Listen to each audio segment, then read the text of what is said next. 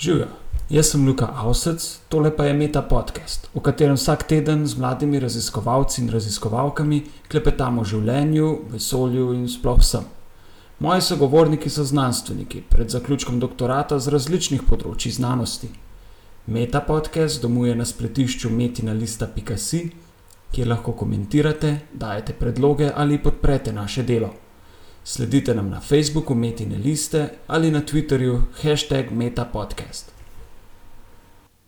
Danes je z mano pravnik Til Rozman, Til Žujo. Živijo. Ti si diplomiral na pravni fakulteti, je tako? Ja, res je 2-9, mislim, da sem diplomiral. Ja, Zdaj pa si fakulteti. zaposlen kot eh, mladi raziskovalec na fakulteti za družbene vede. Nam lahko poveš, kje točno delaš in s čim se ukvarjate v vaši skupini?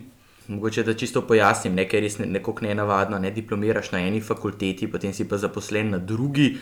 Uh, to je nekako tako, kar težava se mi zdi, ker uh, tukaj na fakulteti za družbene vede nas je relativno malo pravnikov.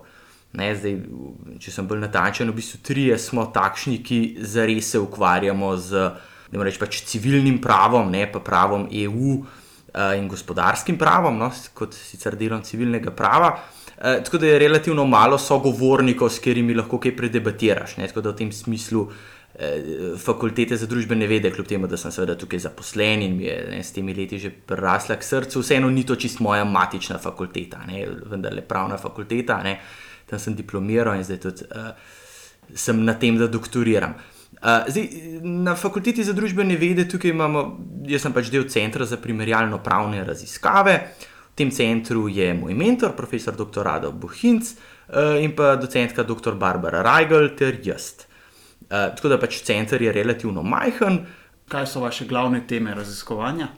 Zdaj, sigurno je korporativno upravljanje, ne corporate governance. Bi rekel, da je to sigurno tista uh, prva tema, uh, zdaj vedno bolj, no pa nekako postaja družbeno odgovorno. uh, Korporativno upravljanje, oziroma kar družbena odgovornost, no, da je to neka, da ima reči, pač malo novejša tema ali pa tista tema, s katero verjetno se bomo ukvarjali v naslednjih letih. Okay. Korporativno prav, pravo, kaj je to?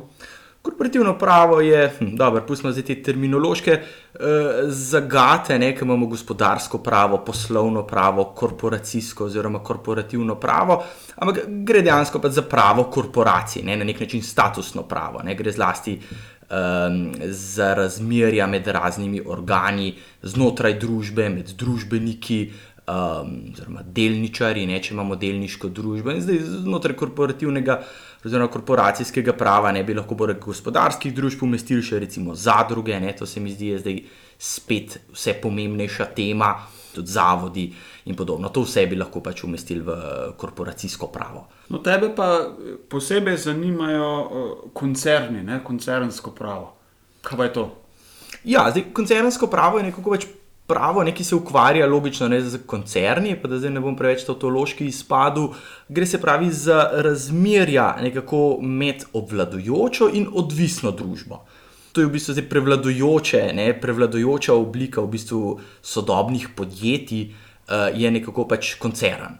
Ne, se pravi, praktično nimamo uh, velikih poslovnih sistemov, ki bi bili izolirani od vseh ostalih gospodarskih družb. Ampak Praktično vsaka gospodarska družba, večja gospodarska družba, ne, eh, tudi slovenska, recimo, če si pogledamo družbe, ki so v prvi borzni kotaciji na Ljubljanski borzi, ne, vse družbe so koncerni.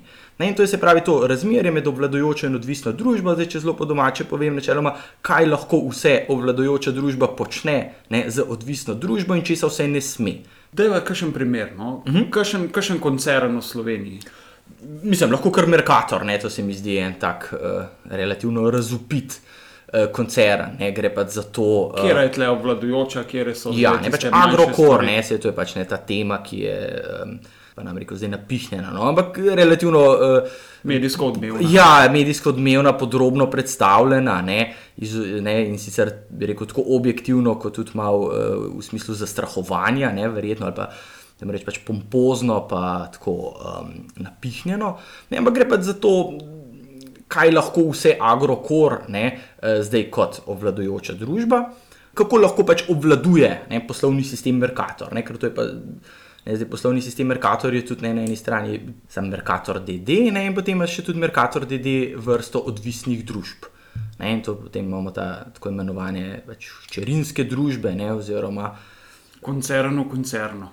Ja, tako, tako. tako. Se pravi, koncernsko pravo je zelo pomembno ne, za, za slovenska podjetja, ki jih prodajamo večjim tujim vlagateljem. Se ti zdi, da je zato tvoje delo pomembnejše ali pa predvsem zanimivejše, zato ker je tako relevantno? Sigurno je pač to aktualna tema. Ne? Res pa je, in tukaj mogoče malo izrazim svojo frustracijo, da uh, je, je vst, rekel sem se začel jaz s to temo ukvarjati tam nekje, mislim, da leta 2011. Ker je bila še agencija za upravljanje kapitalskih naložb, ne, ki je upravljala z kapitalskimi naložbami Republike Slovenije in potem ta SDH, prejšnji in zdajšnji. Ne. Tako da v bistvu je to uh, že, že dolgo časa ne, aktualna tema, pa se nič prav zares ne premakne. Ne. Tako se mi zdi v, v nekih valovih, no, se mi zdi se o tem govori, pa potem zamre. Um, ker je to sigurno pač politično pomembno vprašanje, ne, zdaj, uh, uh, ali naj bo Republika Slovenija udeležena ne, v tolikšnem številu gospodarskih družb, kot pač je sedaj, ne, ali ne, pa v katerih, in to pač gre za te razne sezname klasifikacije. Ne. Sigurno je pa tudi tukaj zanimivo ravno to razmerje, ali lahko tudi država, pravi Republika Slovenija, ne, ki ima recimo večinski delež v neki gospodarski družbi, ali lahko kar tudi uh, Republika Slovenija, tukaj pa tem status te obvladujoče družbe, ne, da se v bistvu vzpostavi to razmerje, ne pač koncernsko razmerje, že naravi država versus ne, neka druga gospodarska družba. Ne. In tukaj je pomembno potem seveda brati malo nemško literaturo, ne, ki pravi, ja, pač tudi država ima lahko status obvladujoče družbe. Ne, tako da, m, mm, ker ne, zdaj koncernsko pravo je pač v Sloveniji, Slovenija je ena redkih držav nasploh na svetu, eh, ki ima to sploh urejeno posebnimi določbami, ne, zakona o gospodarskih družbah. Ne, in sicer smo bolj kot ne povzeli nemško ureditev, ne iz nemškega akcija Gezeca, ampak so pa seveda ne pa potem določene e, specifike, ne, ker zdaj v Sloveniji je to umeščeno kar v splošne določbe, ki se nanašajo na vse gospodarske družbe, v Nemčiji pa to ureja kot rečeno ne zakon o delniških družbah, je pa potem sodna praksa um, tudi v Nemčiji razvila um, oziroma razširila, ne, da se ta koncernska razmerja uporabljajo tudi za družbe, ki nimajo statusa delniške družbe, ne, ampak DOO ali pa tudi kot rečeno že uh, država ne, oziroma javna oblast, recimo kakšna izmed uh, dežel zvezdnih. Se pravi, to je recimo eno od povdarkov recimo, tvojega raziskovanja. Uh, se pravi, ta primerjava, kako je urejena ta zakonodaja v drugih državah, kako je urejena na ravni Evropske unije, kako je recimo z Ameriko. Ja, v Ameriki to ni urejeno, pač normativno, ne? ampak seveda gre zdaj tukaj tudi za razlikovanje med kontinentalnim in anglosaškim pravnim sistemom. Ne? Ampak v Ameriki se to v bistvu bolj se ne rešuje no? v tem smislu, um, kot se to v Evropi, ne? ta razmerja. Vladajoča odvisna družba, pa potem seveda ne, tukaj je glavno vprašanje manjšinski delničari, neodvisne družbe, pod kakšnimi pogoji se jih lahko izključi, kakšno nadomestilo je primerno. Uh, in podobno. V Ameriki se to drugače ureja, ne? ampak velik del ne, eh, razlik med Ameriko in Evropo pa je tudi v sami strukturi delničarjev. Ne? V Ameriki ima največji delničar, da rečem, bistveno, bistveno manjši delež, ne praviloma. Eh, kot ga ima pa v neki evropski korporaciji. Ne. V Ameriki, če imaš ti, ne vem, 10% delež, ne, si lahko že največji delničar. Ne, v Sloveniji, pa recimo, ne, mislim, zlasti ne, če se zdaj samo o prvi borzni kotaciji pogovarjava, mora biti pa to nujno 20, 30 ali pa še več. Ne. Še višji delež, ne, zato se pa razvija tako imenovan green mailing, ne, ko recimo ne, nekdo uh, v ZDA ne, recimo, eh, dobiš ta desetodstotni delež, ne, kar je v bistvu manjšinski delež, ne bi lahko rekel, oziroma daleč od tega, da bi imel ne, sam prevladojoč vpliv, ne, ampak vseeno ne ti daje neko uh, močno pozicijo naproti na upravi, nasproti upravi, ne, in potem pač green mailing, ne, kot nek spin besede blackmail. Uh, na nek način pač izsiljuje ne, ta največji delničar z vsega 5-10 odstotki upravo, ne, v smislu, ne, da te vi odkupate od mene te delnice po bistveno, bistveno višji ceni, če sicer bom jaz kot največji delničar, uh, ne vem, uložil razne, uh, recimo, očkodninske tožbe, ne zoper vas. Um, in to je recimo ne, v Ameriki relativno enostavno doseči, ker je ni, nižji delež zahtevan. V, v Sloveniji pa kot rečeno, ne, uh, je ne, ta delničarski aktivizem se potem bolj nanaša na razmerja med delničarji. Ne. Je to glaven konflikt, ne večinski, manjšinski delničar ne, v Evropi, v Ameriki pa bolj pač delničar versus uprava oziroma upravni odbor. No. Kako je z mednarodnimi koncerni? Ne? Recimo Agrokor je hrvaški, Hrvaška ima lahko drugače urejeno pravo teh koncernov. Ne? Po katerih zakonih bo zdaj Merkator lahko uveljavljal svoje pravice? Recimo? Ja, to ni dvoma, da se pač uporabi v tem primeru pač pravo eh, Republike Slovenije, ne, torej pač, kjer ima družba sedež. Je pa sigurno ne, to z vidika in tukaj smo pa zdaj že mogoče kar pri eh, ne, temeljni tezi um, mojega doktorata. Ne, jaz sem pač pripričan, da bi to vprašanje moralo biti urejeno na ravni EU. Ne, da bi torej pač na ravni EU morala obstajati neka harmonizacija, tudi kodifikacija koncernskega prava. Torej, da to je tema, ki je uh, pomembna za, da imamo reči, kar notranji trg, ne, m, pravo družb, in da glede na to, da je pač dejstvo, da so koncerni postali prevladujoča oblika. Ne, Vseh velikih poslovnih sistemov je zelo pomembno, da uh, bi to temo pokrila že uh, evropska zakonodaja, ne, uh, ravno izogib temu, ne, um, temu vprašanjem. Ne, se pravi, konec koncev so tudi s tem povezani precejšnji stroški. Ne, zdaj, če, uh, da, če, če se zdaj pri Agrokorju, ne pa dobro, tukaj zdaj imamo relativno podobno zakonodajo, Slovenci pa Hrvati, ne, ampak vseeno, ne, da se ti pa seznaniš s tem, kakšna zakonodaja ne velja v neki drugi državi članici, ki recimo vem, krka odpre. Uh, ne, družbo, ustanovi družbo ne, v Rusiji. Ne, pač so relativno visoki stroški, s tem, da se ti seznaniš, kakšna zakonodaja velja tam, ne, kakšna navodila lahko daješ, kakšna ne. ne pravo, ne, ali da ima res, biti pravnik ni isto kot biti pismen. Ne, ne gre zdaj za to, da bi ti samo poiskal nek zakon, ga odprl, pa prebral, pa rekel, ah, ok, tako kot piše, tako je. Ne. To je treba tudi pač razumeti. Ne, in kako to razumeti pravilno, to je treba brati potem tudi sodno prakso. Ne, tukaj se pa potem že sila, sila zaplete. Ne, in tudi sodna praksa, ne, lega zlomka je precej spremenljiva. Ne, torej, ni da bi zdaj sodišče odločilo tako in bi potem zavedno to veljalo, ne, dokler se zakon ne spremeni. Ne, ne, ob istem predpisu ne, se sodna praksa lahko spremenja. Tako da ne zdaj eh, ravno to ne čezmejno poslovanje, to je pomembna tema, ne tudi na ravni EU, um, ker se spodbuja, ne na ravni EU se spodbuja konkurenca tudi med državami članicami, ne, ne samo med gospodarskimi subjekti, ampak tudi gospodarskimi subjekti iz različnih držav članic. In pomemben vidik ne, konkurence je sigurno tudi to, da je zakonodaja uh, čim bolj poenotena. Ne, da torej, um, gospodarski subjekti tekmujejo v drugih, uh, da moramo reči, pač disciplinah, ne pa samo v tem, kdo je ustanovljen, po, kater subjekt je ustanovljen po bolj ugodnem, recimo, ne, pravnem redu. Kakšno moč imaš pri tem spodbujanju nastanka neke evropske zakonodaje iz tega področja? Zaenkrat nikakršne, ne, si pa nekako domišljam, da bi mogoče moj doktorat, potem ko bo uh, pač seveda uspešno napisan in zagovarjan, uh, da pa bi lahko bil mogoče eden od tistih uh, dokumentov, ki bi ga mogoče kje kdo kdaj prebral, ne? kakšen od odločevalcev na ravni uh, eh, EU. Ne? Ampak zdaj to, mislim, ker samo to ima na nek način pač smisel. Ne? Uh, ne, se s to, s čimer se jaz ukvarjam, to je pač zanimivo. Uh, uh, ali pa pač ni, ne, uh, ampak bi moralo biti zanimivo za uh, javne oblasti, ne, torej za zakonodajalce.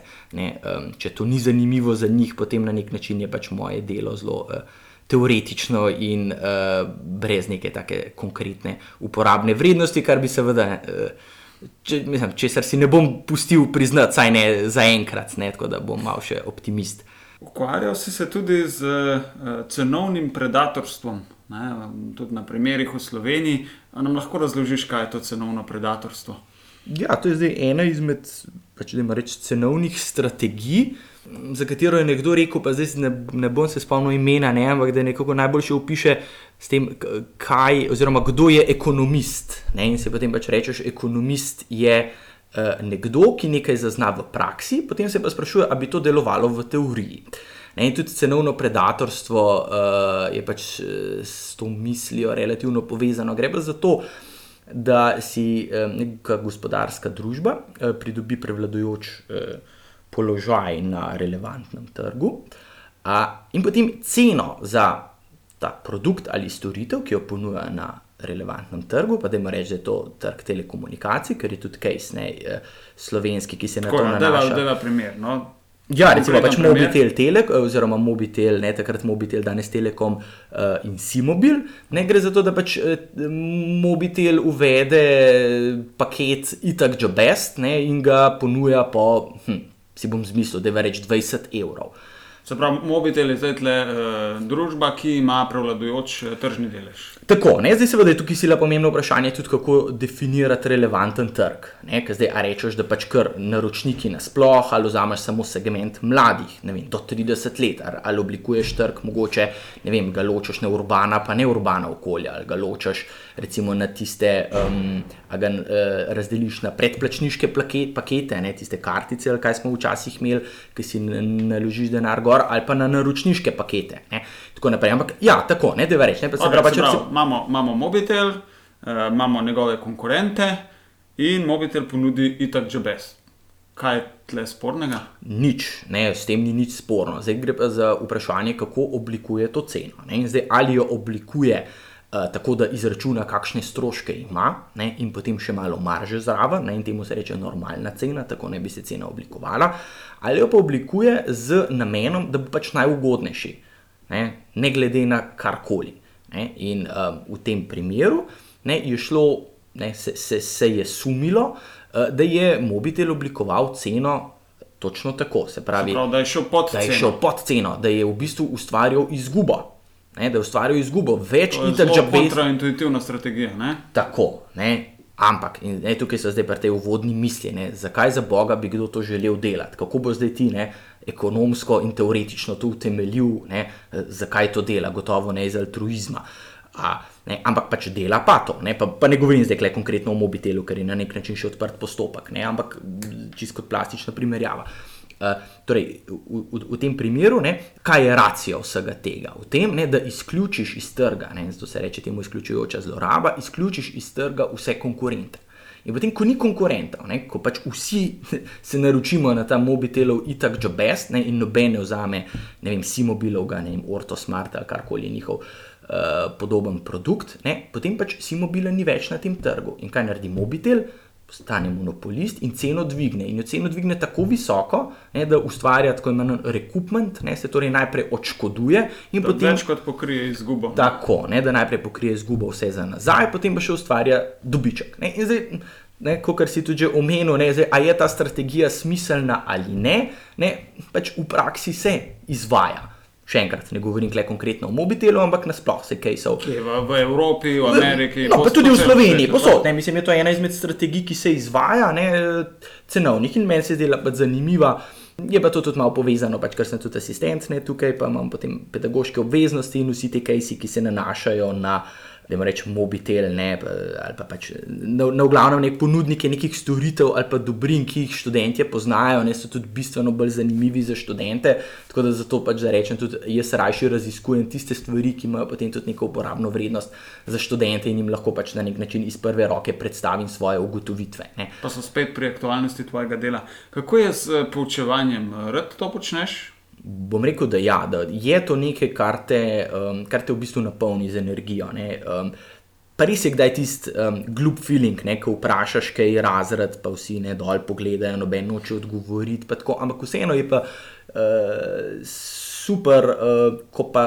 Ko pa je neka tema, ki vidiš, da študente zanima, ki sodelujejo, ki naredijo tudi kaj več, kot uh, si jih prosil, ali pa jim ukazal, da morajo narediti.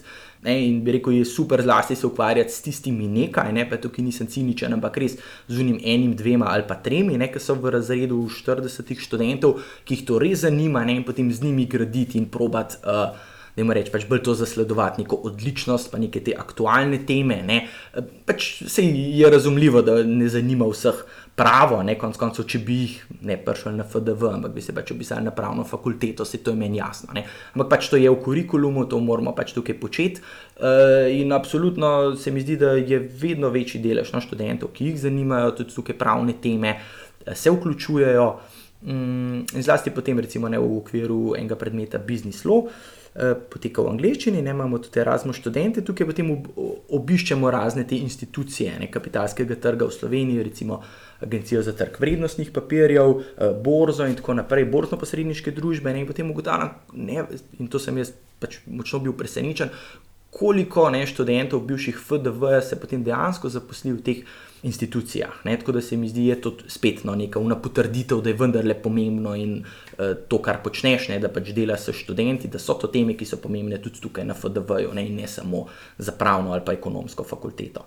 Til, naj te za konec vprašam še par eh, splošnih vprašanj, ki jih vprašam vsakega sogovornika. Vedno začnem s tem, katere nam znane ali pa nam neznane osebe bi povabil k sebi na večerjo, če ne bi bilo nobenih omejitev. Joj, se, se bojim, da bom kar dolgočasen, ne, da ne bom vas načklele navduševal, ampak dejansko imam zadnje čase uh, zelo malo prostega časa. Ne, imam dva majhna otročka, tri leta, pa tri mesece stara. Uh, tako da imam zelo malo časa tudi za prijatelje. Ne? Tako da bi jaz mislim, da kar na večerjo, če bi bil imel en prost večer, pa večerjo, da bi ženo poredila, bi kar mislim, da kar pač prijatelje povabila. No? Tako da ne bi nobenih Nobelovih nagrajencev ali pa uh, kakih sila pomembnih uh, ljudi. Če bi podedoval 15 hektarov zemlje, kaj bi z njo? Imate kaj zemlje doma, odkot, odkot si pravzaprav doma? Ja, jaz sem kar iz Ljubljana, iz centra in ne, glede zlomka, celo imam en atri mehen, ne, to gre celo skupaj, Ljubljana, center in atri. In zdaj v atri, jaz mislim, da je tam ene. Ti si rekel, kaj 15 hektarjev, jaz ja. mislim, da je mogoče 15 kvadratnih metrov, da imam unga atrija, pa Dobro. sem zdaj na vzgor za. Uh, in un atrij je tak, da čisto vsaka pride na obisk, uh, reče, je ja, pa čakaj, pa zakaj pa tukaj noč ne posadiš, pa le, samo plevel imaš, mislim, pa, jo, ne, in pa je meni nerodno. Uh, tako da zdaj ne vem, kaj imam ljubi, mislim, da smo dali no, zdaj gor. Uh, stanje, tako da teh 15 hektarjev me bolj obremeni. Uh, ja, kot pa tako, tako da ne vem. Ampak res pa je zdaj, če bi bila pa to zazidljiva ob, ob morju, no, parcela, pa mislim, da bi pa imel kako idejo. Še eno nehvaležno vprašanje. Kaj lažje izbereš, najljubše živo biti ali najljubše umetniško delo?